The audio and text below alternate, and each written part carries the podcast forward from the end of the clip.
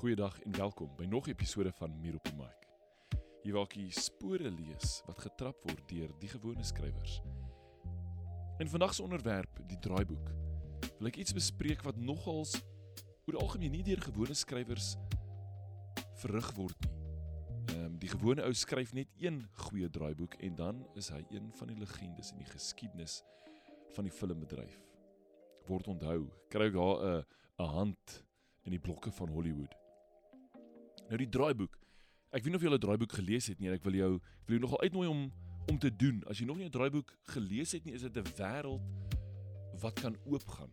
Elke draaiboek se taal en styl verander. Dit verskil van mekaar. As jy byvoorbeeld Fast and Furious se draaiboeke lees regtig presies soos wat die films gaan. Dit is net tyres en al die muscles en hierdie kyke wat 'n wêreld eindig. Sulke goeie sulke sulke vreemde beskrywings daarin wat nie algemeen gebruik word nie maar dit is alles daarin. Dan sal ek so 'n paar ander bespreek. Nou ek wil net eerste hele hierdie is hierdie is basies. Hierdie is regtig die begin en ek gaan dit vergelyk aan die einde met poesie die nie so seer die struktuur van poesie nie maar wel die konteks die die inhoud van poesie gedigte wat ons oor die algemeen lees vandag en ek wil net bietjie kyk of dit regtig soveel verskil van draaiboeke. Nou die draaiboek. Heel eerste wanneer 'n draaiboek begin. Ehm um, in Engels noem ons dit 'n uh, 'n screenplay. Draaiboek. Seker maar wat films daai rolle so gedraai het en dit waar dit dan gaan. So, heel eerste, wie speel in 'n draaiboek? Wie is my karakter? Wie sien ek? Oor wie gaan hierdie? Hou ek van daardie persone? Dis natuurlik ontsettend belangrik om heel eerste 'n rede te gee wanneer jou wanneer jou storie begin, jou jou jou fliek. Dink aan jou gunsteling een. Dit begin en jy sien die karakter. Watter rede was vir jou gegee hoekom jy van daardie karakter moet hou? Nou die gemors is daar's nou natuurlik van daai akteurs eh, van wie ons hou, maak nie saak in watter fliek hulle speel nie. Ons kyk die fliek omdat hulle daarin is. Ehm um, Wie is daar? Denzel Washington is nog 'n eister wat 'n hele paar films raak speel. Ryan Reynolds se films moet ek sê is nogals is alles dieselfde. Dis dieselfde karakter oor en oor as jy nou dink aan Daredevil en aan Red Notice whatever. Dis dis dieselfde karakter oor en oor. So as jy daarvan hou, dit is hoe sy fliek gaan. Ehm um, Sandra Bullock, Julia Roberts, hulle kan nogal 'n paar ander rolle speel wat juis verander tussen van een film tot die ander. Dink aan ehm um, Matt Damon, dink aan Ben Affleck.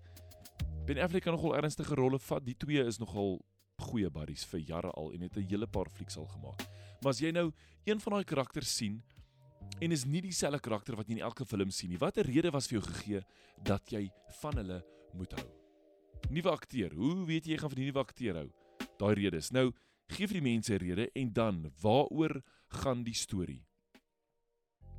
Hierdie wil ek hê jy moet besef dit moet alles binne die eerste 10 minute gebeur van die fliek. Anderster gaan ons terug. Dis baie maklik om terug te gaan. Daar's nie net een fliek op Netflix beskikbaar vir dag of Showmax of dit wat jy kyk nie.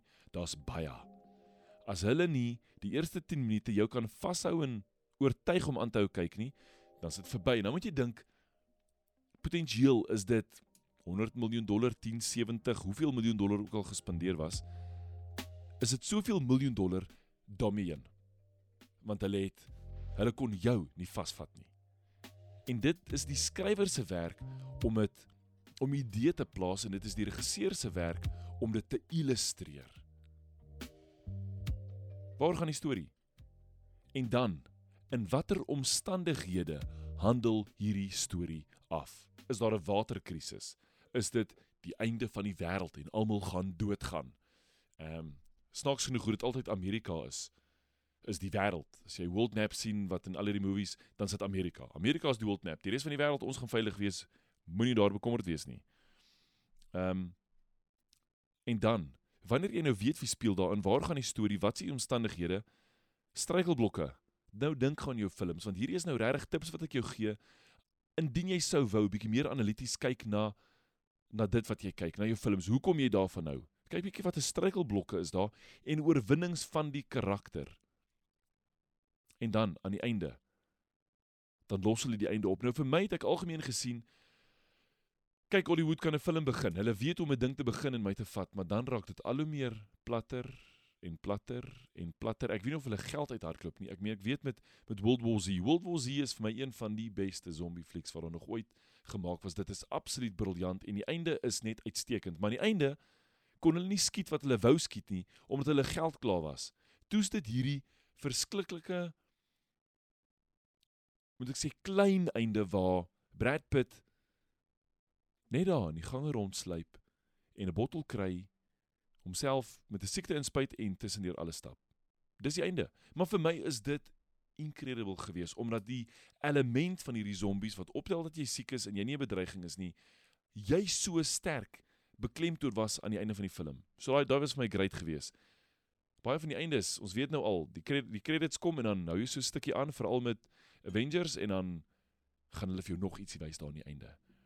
Ehm um, en dit is lekker om te sien. En dan is dit sommer weer die begin, maar onthou nou daai begin, snaaks genoeg, die einde van daai fliek is weer die begin van die volgende. Dit is wat hulle weer jou gebruik om te hoek jy moet uitsien. Maar as jy dit sien in die begin van 'n fliek, weet jy ek moet hierdie klaar kyk.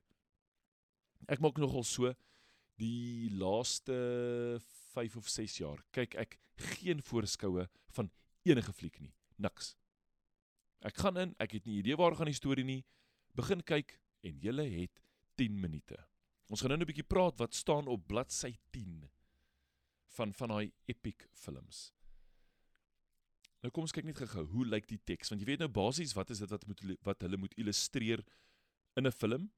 En as jy daai mis, dan gaan jy alles mis. Dan gaan niemand verder kyk nie. En hulle skryf hom gewoonlik, een bladsy is 1 minuut. Vir elke bladsy wat jy skryf, kan jy 1 minuut skiet. Hoe lyk die teks? Hy begin gewoonlik met interieur of exterieur INT of EXT in hoofletters. Dan gee hulle vir jou 'n plek en dan staan daar day night. Is dit nou dag of nag? Want dit moet die regisseur moet nou weet. Hierso is dit waar gebeur dit wat nou gebeur. Baie eenvoudig. Dis nie 'n boek met 'n verskriklike beskrywing en enige so iets nie. Die beskrywing gaan nou volg, maar heel eerste, waar gebeur dit wat onthou net? In hierdie draaiboek staan niks gedagtes van enige persoon geskryf nie. Niks. Hier staan ook meeste van die tyd nie, hou jou kamera wyd en dan zoom jy in op dit gebeur nie. Moenie vir die ou, vir die baas van die plaas sê hoe om sy plaas te ran nie. Jy gee nie die idee, hy sal besluit hoe werk dit. Veral waar jy daai detail baie keer sien is waar die regisseur self die teks geskryf het. Draaiboek. So na interieur eksterieur, daar is dan die beskrywing. Ehm um, dit kan vir jou sê wat is dit wat die persoon wat kyk sien? Wat merk jy op? En ek gaan nou 'n stukkie van eenetjie lees. En dan na dit kan jy ook 'n dialoog sê, so dan sit jy die persoon se naam en onder dit dit wat hulle sê. Nou dialoog is ontsettend belangrik om so kort as moontlik te hou sê wat hulle moet sê en doen dit in 'n vorm van 'n tenniswedstryd. Ek slaan die bal na jou toe, reageer op die hou. Moenie randomly iets sê en jy sê random iets soos daai wat die kinders sê en toe en toe en toe. Ehm um, ek het 'n kort dokumentêr gekyk waar hulle 'n onderhoud voer met die twee ouens wat South Park geskryf het. Kan nie nou hulle naam onthou nie. En hulle het nogal iets gedeel wat gesê het Sodra jy skryf en toe, soos kinderstories, en toe, en toe, en toe, tel hy die bal op, en toe, is uit. Daarom. Ietsie gebeur, daarom. Hy tel die kamera op, soos in Cloverfield. Julle, Cloverfield is 10 10 een van een van die beste flieks wat nog ooit gemaak is. Alhoewel baie min mense saamstem, en as jy om al gekyk het, dit is uit die oogpunt van die kamera self, en dit is hierdie klomp vriende saam, wat 'n kamera optel en toe kom 'n monster uit die see uit of uit space uit en sy uit die see uit en nou val hy die wêreld aan en eindig alles en almal gaan dood. Dit is hierdie absolute chaos en ons hierdie klein goetertjies wat rondkruip in tonnels en mense vang en hulle het hierdie videokamera. En dit is nie into into nie. Hulle hardloop met die gang af. Om die hoek. Daar's 'n geluid op die punt van die gang. Daarom draai hulle om en hardloop aan die ander kant toe. Dis hierdie Daarom dryf die storie. Anders is dit 'n klomp los stukkies wat jy nie regtig wil hê nie. So dryf jou storie. Nou, jou teks kan wel verduidelikings insluit om te sê hierdie volgende soos met ehm um, ek dink is 1947 nee 1917 o oh, blikkie maar raak kan ek nie die fliek se naam onthou nie maar die hele fliek is basies geskied dat dit lyk of dit net in twee aaneenlopende shots is. Van die begin waar hulle die ouetjies onder die boom kry tot waar een lights out ek dink geskop word deur ou. Daar in die oorlog. Dan word hy wakker. Daai lyk soos die enigste breek in die hele fliek. Die res is julle dis spyk om dit te kyk. Dit is 'n stuk kuns om dit te kyk. So daarvoor is byvoorbeeld 'n verduideliking ingesit wat gesê het hierdie hele fliek hierdie hele film is geskied ehm um, is geskryf om geskied te word dat dit lyk of alles aaneenlopend is En nou kom ek kom ons kom net by gou by die volgende uit. Die basiese struktuur van 'n draaiboek. Oom Sid Fields het jare terug, hy het die Bybel van die draaiboek geskryf. Hierdie resep is gevolg deur so baie ouens van daai tyd af. Dit ek dink is al in 1970s geskryf tot vandag toe nog. Oordeel verskriklik baie ouens voor hulle storieetjies jou draaiboek volgens hierdie spesifieke patroon. Hierdie hierdie formule. En hierdie formule soos ek gesê 10 minute. Jy het 10 minute om almal te oortuig dat wie speel jy in? Waar gaan die storie en wat is die omstandighede? Wat is die stakes? Gaan almal doodgaan? Wat nie hierdie. The setup. Dan op bladsy 30 plus minus min of meer ongeveer net daar naby. Van so 26 af tot so 30. Van die ouens kan hom vroeg skiet en op 20 vat, maar op 30 ek noem dit 'n fokuspunt. Ehm um, dit is die groot setup. Die hele storie word gekanaliseer deur hierdie een bottleneck en van hier af gebeur alles net om hierdie een punt. Daar gebeur iets op daai punt wat die hele res van die storie bepaal en verfyn. So jy zoom in op hierdie aspek, op hierdie groot gebeure. Hulle kom agter op daai punt, roep hulle die ou in en sê, Weet jy wat? Daar gaan jy. As hulle jou geroep het vir oorlog, is hierdie die oomblik waar hulle jou stuur. So minuut 10 roep hulle jou, minuut 10 stuur hulle jou. Minuut 10 sê hulle ons moet die Avengers gaan bymekaar maak. So halfuur in is die oomblik wat hier hele bymekaar maak proses nou omtrent gaan begin. En dan op plus minus bladsy 60 70 hang af hoe lank dit is partykeer 90 as jy 120 bladsye skryf is maak jy storie nog 'n stuk nader want nou was al die konflik wat gebeur het. Ehm um, die soeke, die alles in hierdie tyd begin sin maak en jy weet jy weet wat wat moet gebeur. Hierdie hoofkarakter weet wat moet gebeur. En dan op daai bladsy 70 80 as jy lank storie het 90 hier as jy nog so 20 30 minute oor het van van die fliek dan gebeur nog 'n 'n fokuspunt, 'n kanalisering in een rigting en sê nou moet jy hierdie verhaal oplos en dan kom die groot oplossing. Nou hierdie is dis interessant om dit te sien in eenvoudige stories Hollywood movies, al die Avengers, al die die lekker skopskiet en doodslaat flieks. Dis maklik om aksie te hê van een oomblik van die film regdeur tot op die volgende film en dan gaan dit aan. En is op hierdie kol wil ek net ietsie lees van Duchess of George. Het nou vandag op haar storie 'n uh, iewers ter bord afgeneem en hierso sê dit I'll get over it. I just have to be dramatic first. So voordat jy nou fliek vasvat, jy moet net eers heeltemal dramaties wees, heeltemal 'n tantrum gooi, heeltemal droog maak. Sodat ons 'n storie het om na te kyk, want dit word geskryf konflik is drama en drama is storie. Mense moet vassit met mekaar, almal moenie happy wees en vriendelik wees die hele tyd nie. Hoekom nie? Want ons lewens is nie so nie. Ek moet 'n baie vriendelike pappa wees. Maar my drie ladies maak nogal seker dat daar baie dinamiese eienskappe en aspekte gebeur deur die hele dag. Daar sal met harde bal in die huis gespeel word langs die visbak.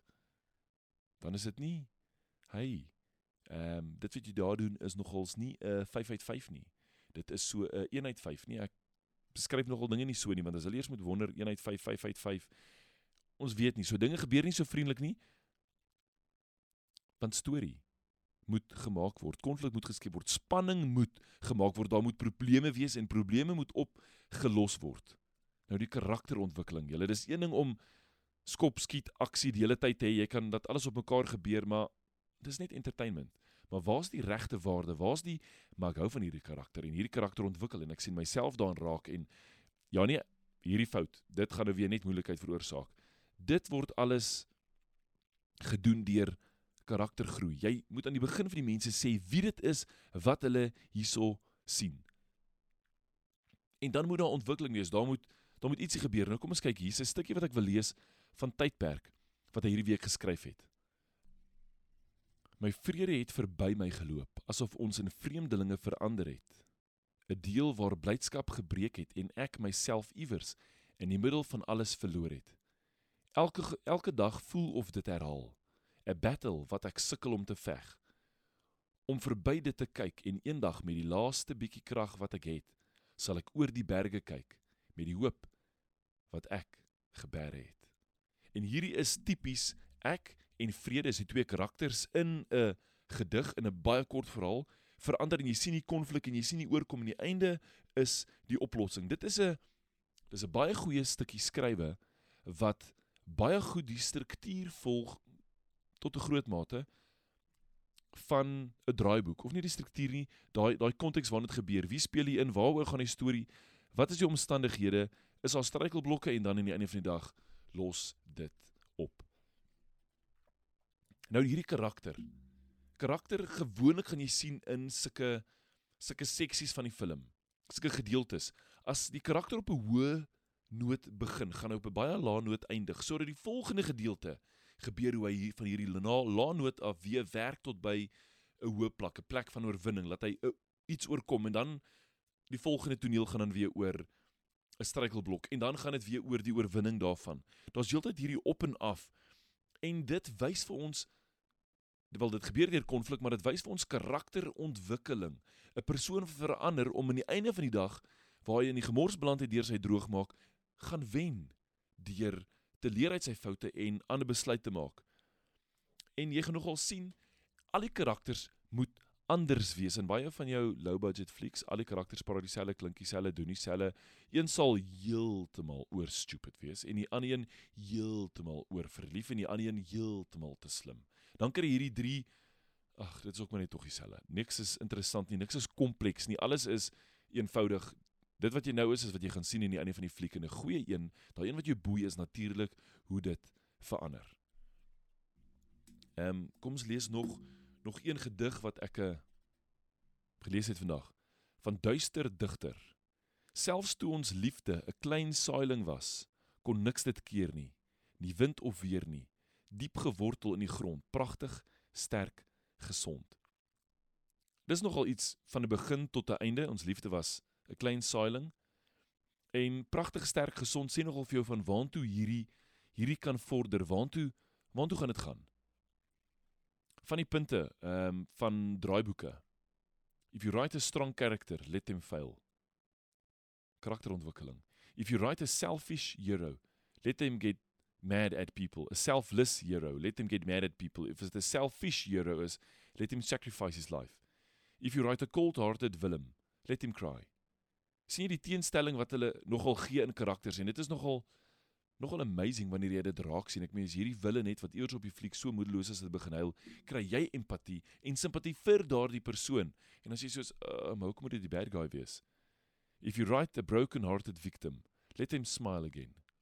Is nogal as 'n persoon so begin in die einde van die fliek fliek hulle ag uh, lag hy, was daar vordering gewees en die vordering is jy spesifiek dit wat jy laat voel maar dit het iewers heen gegaan in gedigte kan jy dieselfde skryf. Nou voor ek nog gedigte lees, ek het nou gepraat van hierdie is nou die karakters en die karakterontwikkeling wat daar is en ek wil nou-nou daarop uitbrei. Maar vir interessantheid wil ek gou kyk bladsy 10. Julle wat gebeur op bladsy 10? Kom ons vat gou die Matrix.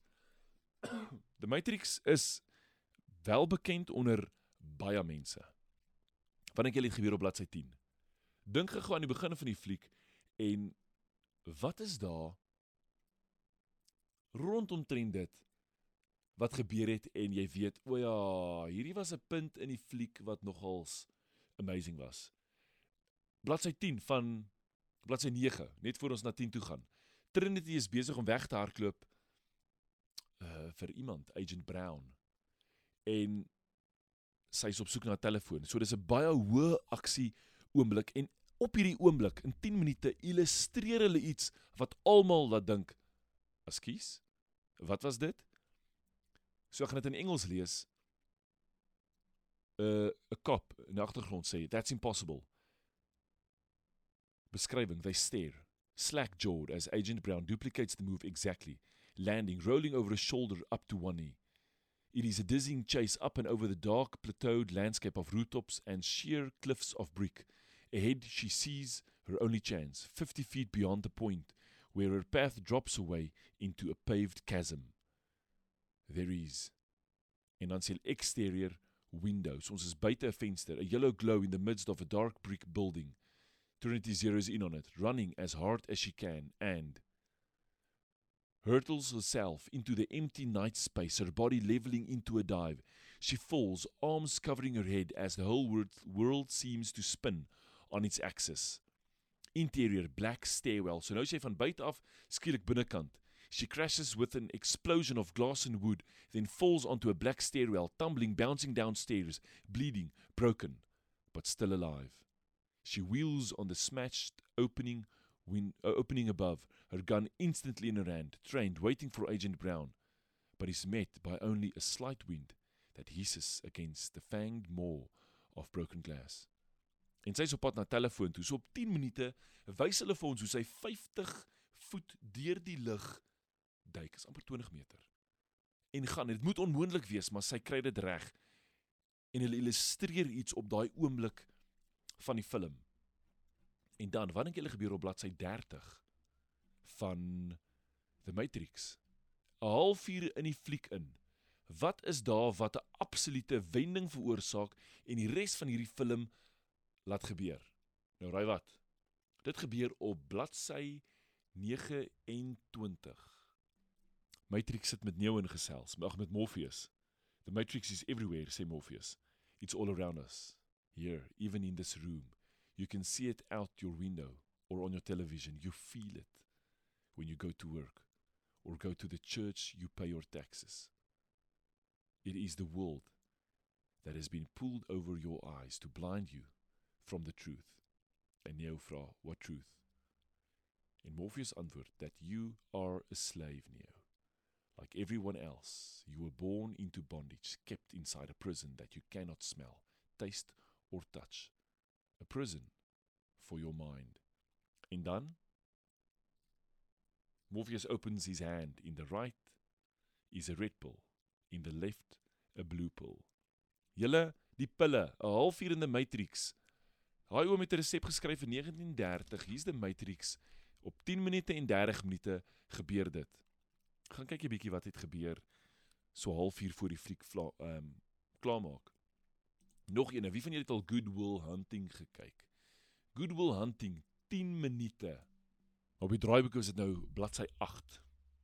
Weereens net so net so 'n paar minute in die fliek in. Daar was nou 'n som op die bord gewees wat nou moeilik geskryf het, 'n uh, moeilike som, 'n probleem en jy moet dit oplos. En hierso kom Lambo is nou um, kom ingestap in hierdie gange van haar klomp staan 'n klomp studente om hierdie bord. Lambo still in his reunion formal wear strides down the hallway carrying some papers. A group of students have gathered by the chalkboard. They part like the Red Sea as he approaches the board. Using the papers in hand, he checks the proof.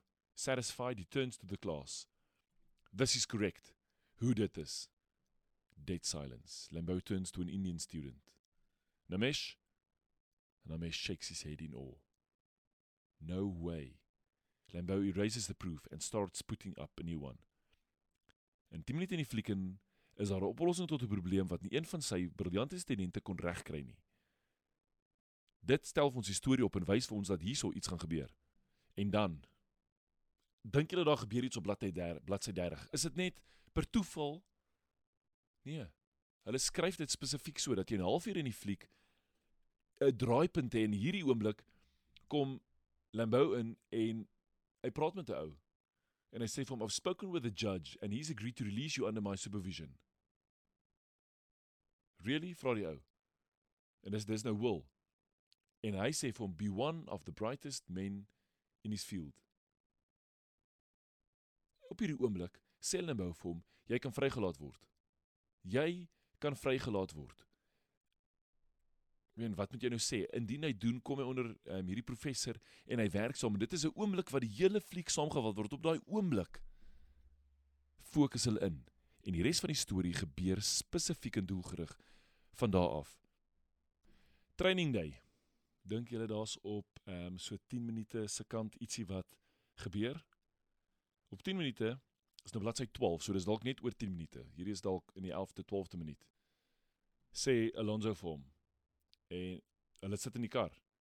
En die volgende woorde. Onthou net die fliek se naam is Training Day en hy sê vir hom this, nee, today's a training day. Going to show you around, give you a feel for the business. I have 38 cases pending trial. I have 63 active investigations. There's another 350 cases on the log I can't clear. I'm supervising supervising 5 officers. So op hierdie oomblik gee Alonso vir Jake 'n hele rundown van dit wat hy sê en dit gebeur 10 minute. This is nee, today's a training day. So julle sien daar die resep. Nie alle films volg dit nie. Nie alle flieks is op hierdie resep geskryf nie, maar gaan kyk bietjie. Wanneer jy dit weer kyk, op 10 minute gebeur iets wat jy weet, yeah, that's it. Ek het al my horlosie net gedraai en gesê daar gebeur dit. Halfuur in die fliek en is hierdie een ding wat die res van die fliek gaan bepaal en jy weet hier vat hy rigting. Dit is omtrent 'n halfuur in. Dit kan bietjie minder, bietjie meer, dis oukei, okay, maar Hierdie is nogal 'n baie gewilde ehm um, struktuur. En in hierdie struktuur moet daar karakterontwikkeling gebeur. Ek wil hier 'n gedig lees van Mario Lucien René. Is nou Nederlands, maar daar is Engels en Afrikaans ook by. 'n Diep gevoel van verliefdheid ontwaak in my siel en 'n kreet van verlange versprei ongehoord tot in die oneindigheid. Soos my trane vloei deur die gevoelige hartseer van jou afwesigheid. Jy moet eers sien verliefdheid is een van die eerste woorde wat daar is en dit sê vir ons wat is hierdie? So diep gevoel van van verliefdheid ontwaak in my siel en 'n kreet van verlange. Daai verlange sal ek sê is die oomblik wat jy die setup doen vir die res van die gedig. Maar hoekom verlange? Verliefdheid, verlange verlange is iets iets is nie die een waarna jy verlang is is nie by jou nie. Iemand kort versprei ongehoord tot in die oneindigheid. Nou sê dit, wow, maar hierdie verlang is verskriklik lank en dit versprei. Wat wat gaan nie aan? Soos my trane vloei deur die gevoelige hartseer. Ons is nou nie eers mee by verliefdheid nie. Want aan die einde sluit hy af van jou afwesigheid. En asof hierdie gedig op sy kop draai. Die hele eindig op die teenoorgestelde as waar hy was liefdeskalender het geskryf. Ek maak asof ek jou nie by die skool sien nie. Onthou jy daai oomblik? Maar jy sal nooit weet hoe graag ek langs jou wou sit en met jou praat. En hierdie is, ek weet hoeveel flieks gaan hierso oor. Hoeveel oomblikke, hoeveel situasies. Ehm um, dit sê vir jou hier is ek, daar is jy. Ek sien jou, ek wil by jou praat. En die res van die fliek kan gaan oor waar jy gaan. Die res van die gedig as daar langer weergawe is van hierdie een van liefdeskalender. Maar dit is 'n paar gedigte wat ek gelees het, paar skrywietjies wat net illustreer dat daar twee mense is, dat daar 'n storie is wat gebeur, dat daar verlange is, iets wat nog moet gebeur, iets wat jy graag wil hê, 'n begeerte of iets wat jy verloor het.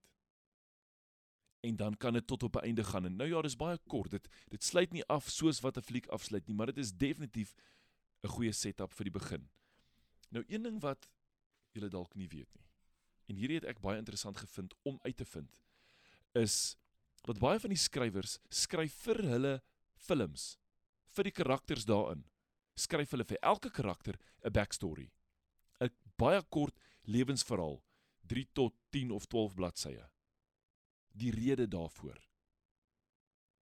Ek as persoon skep dan 'n geskiedenis van my karakter. Ek leer my karakter ken. Ek gee vir my karakter eienskappe en gebeure in die verlede wat bepaal hoekom die karakter wat rede is vir hoekom die karakter op hierdie oomblik is soos wat hy is en optree soos wat hy of sy optree. Hoekom? Van alles wat gebeur het, is daar gesprekke, dialoog want hierdie persoon moet praat. En wanneer hierdie persoon praat, kan daar verwysing wees van die verlede en dan hoef ek nie op daai oomblik wat ek die dialoog skryf te onthou, o ja, ehm um, kom ons probeer ietsie uitdink. Ek kan net teruggaan op my backstory en sê, kom ek verwys nou terug na sy ouers. Kom ek verwys terug na die keer toe 'n motorongeluk was. Kom ons verwys terug na sy grootword, na 'n uh, ietsie wat gebeur het, 'n groot moment en hierdie iets wat hierdie karakter glo bepaal. Kom ons sê hierdie karakter glo dat ehm um, Kersvader kinders ontvoer. Dan verwys jy terug na o, maar my pa het my so 'n storie vertel en een aand gedink is vir die grap en my probeer ontvoer op Kersdag. En toe hy my oopmaak toe is ek in die sitkamer en daar's verskriklik baie geskenke vir my. Klink nou soos 'n rowwe storie, maar ek meen jy kan daarna verwys en dan gaan die persoon sê, "Ja, maar dit is siek. Wie is jou pa?" Soos hy, my pa was 'n cool ou. Dalk nie altyd baie bright nie, maar ehm um, sy besluite was bietjie risky hier en daar. Maar hey, ek is okay. So dit net so om ietsie te illustreer, kan jy terugverwys na die backstory. Nou, julle ek het hierdie week backstories. Etienne Leroux. Hierdie oom was 'n eyster. Dis nou hy wat gesê het hy skryf profeties om dinge in die toekoms vir homself klaring daar te kry van dit wat hy nou sien in hierdie gebeure. En in hierdie eerste die eerste siklus Ehm um, hierdie boek is die eerste lewe van Colette, daarna volg Hilaria daarop en dan die Mugu. Ek het begin want ek wou eintlik sewe dae by die Silversteins lees. Maar toe maak ek nou besluit ek maak hierdie boek oop en begin hierso lees. In my kop is geblaas oor die illustrasies wat gebruik word om hierdie lewe van Colette, hierdie persoon se backstory te gee. Julle die eerste paar bladsye is 'n puik backstory. Ek is al by 5 6 bladsye en ek wil dit net oor en oor lees. Wat handel oor 'n klein seentjie wat sy ouers Kaap toe getrek het en nou hulle sy ouers teens in Susan en hulle maak hom groot, perfek, mooi, skoon, netjies, hare gekam, alles skoon, netjies, alles op hulle plek. Maar dan kan hy ook som die huis help. Sy pas hom op in die dag, sy vat hom hawe toe. Sy wys hom ehm um, plek in die stad wat hy in der ewigheid nooit sou sien nie want dit is die klein straatjies, dit is die agterstraatjies.